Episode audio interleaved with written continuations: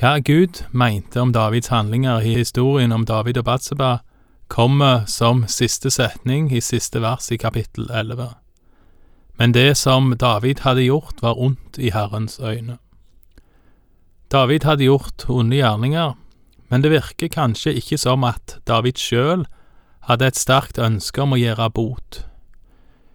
Gud sender i alle fall profeten Natan til han for å fortelle David at det han har gjort, det var feil. Vi leser ifra andre Samuels bok kapittel 12, vers 1. Og Herren sendte Natan til David. Da han kom inn til ham, sa han til ham.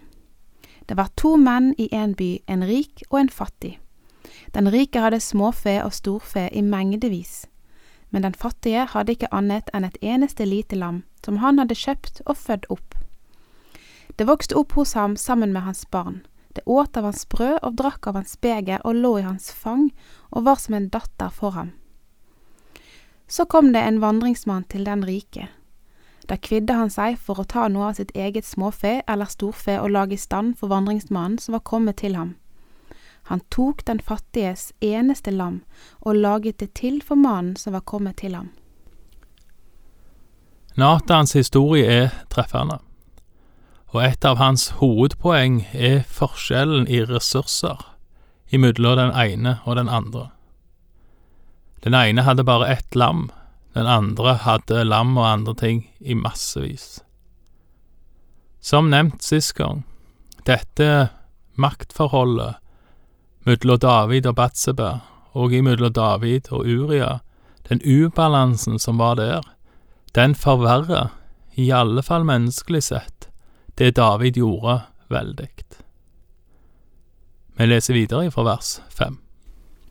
Da ble David mektig vred på den mannen, og han sa til Natan, Så sant Herren lever, den mannen som har gjort dette, skal dø, og lammet skal han betale firedobbelt, fordi han gjorde dette og ikke viste barmhjertighet. Da sa Natan til David, Du er mannen.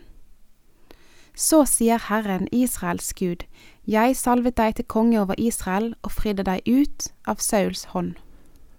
Natan er en eh, modig kar som sier dette, for her kan han ha vært i direkte livsfare. David har allerede drept for å skjule hva han har gjort, og så kommer en profet med pekefingeren. Nathan hadde nok gått med enklere budskap til David før, for eksempel når han framla Guds løfte om at en konge skulle sitte på Davids trone til evig tid. Nå er Nathan kalt for å gå med et budskap om dom, og han går òg med det til David. Vi leser videre hva Natan sier fra Gud til David, fra vers åtte. Jeg ga deg din Herres hus og din Herres koner i din favn, jeg ga deg Israels og Judas hus, og var det for lite, så vil jeg ha gitt deg enda mer, både det ene og det andre. Hvorfor har du da foraktet Herrens ord og gjort det som er ondt i hans øyne? Hetitten Uria har du slått med sverdet, hans kone har du tatt til kone for deg selv, og ham har du drept med Ammons barns sverd. Så skal da sverdet aldri vike fra ditt hus, fordi du har foraktet meg og tatt hetitten Urias kone til kone for deg selv. Så sier Herren, se, jeg lar ulykke komme over deg fra ditt eget hus. Jeg vil ta dine koner for dine øyne og gi dem til en annen mann. Han skal ligge hos dine koner, så solen her er vitne til det. For det du har gjort, gjorde du i det skjulte, men jeg vil gjøre dette for hele Israels øyne og midt på lyse dagen. Her kommer Natan med virkelig harde ord ifra Gud. Både at sverdet aldri skal vike ifra Davids hus, som blir nevnt i vers 10, og at hans koner skal bli tatt fra han, som blir nevnt i vers 11. Og sjøl om David vender om og blir tilgitt, så hviler disse konsekvensene av Davids gjerninger over han så lenge han lever. Det samme gjelder for den del for Batseba og ikke minst Uria. Uria er jo like død om David blir tilgitt. Ekteskapet med Batseba og Uria er like øyelagt om David får sin tilgivelse. Tilgivelsen gjør ikke ting ugjort. David har nå forstått hva han har gjort, og han bekjenner. Vi leser videre fra vers 13. Da sa David til Natan, Jeg har syndet mot Herren. Og Natan sa til David, Så har også Herren tatt bort din synd, du skal ikke dø. Men fordi du ved denne gjerning har gitt Herrens fiender grunn til å spotte, så skal også den sønnen du har fått, visselig dø. Så gikk Natan hjem igjen og Herren slo barnet som David hadde fått med Urias kone, så det ble sykt. Og David søkte Gud for barnets skyld. David fastet strengt, og han gikk inn og lå på jorden hele natten. De eldste i hans hus kom og ville reise ham opp fra jorden, men han ville ikke, og han åt ikke sammen med dem.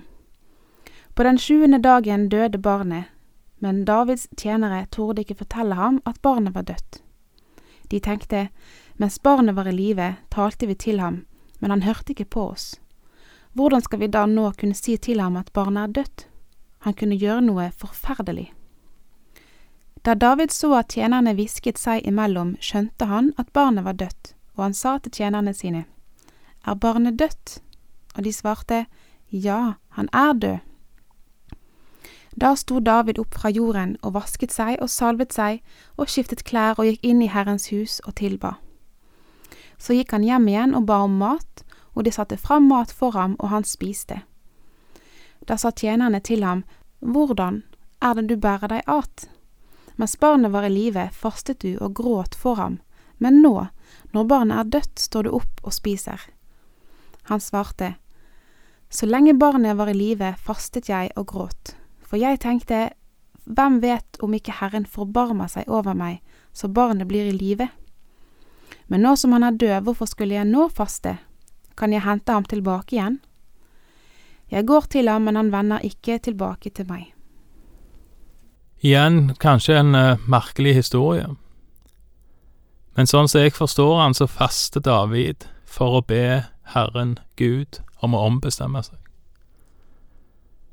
Men når da barnet dør, så har ikke dette lenger en hensikt, og David går videre i livet. Dette forstår ikke hans tjenere, men David sier at han kan jo ikke hente barnet tilbake igjen til seg uansett.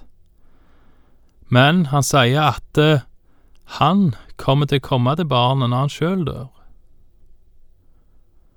Vi skal lese seinere at David sørger på en helt annen måte over at hans sønn Absalon dør.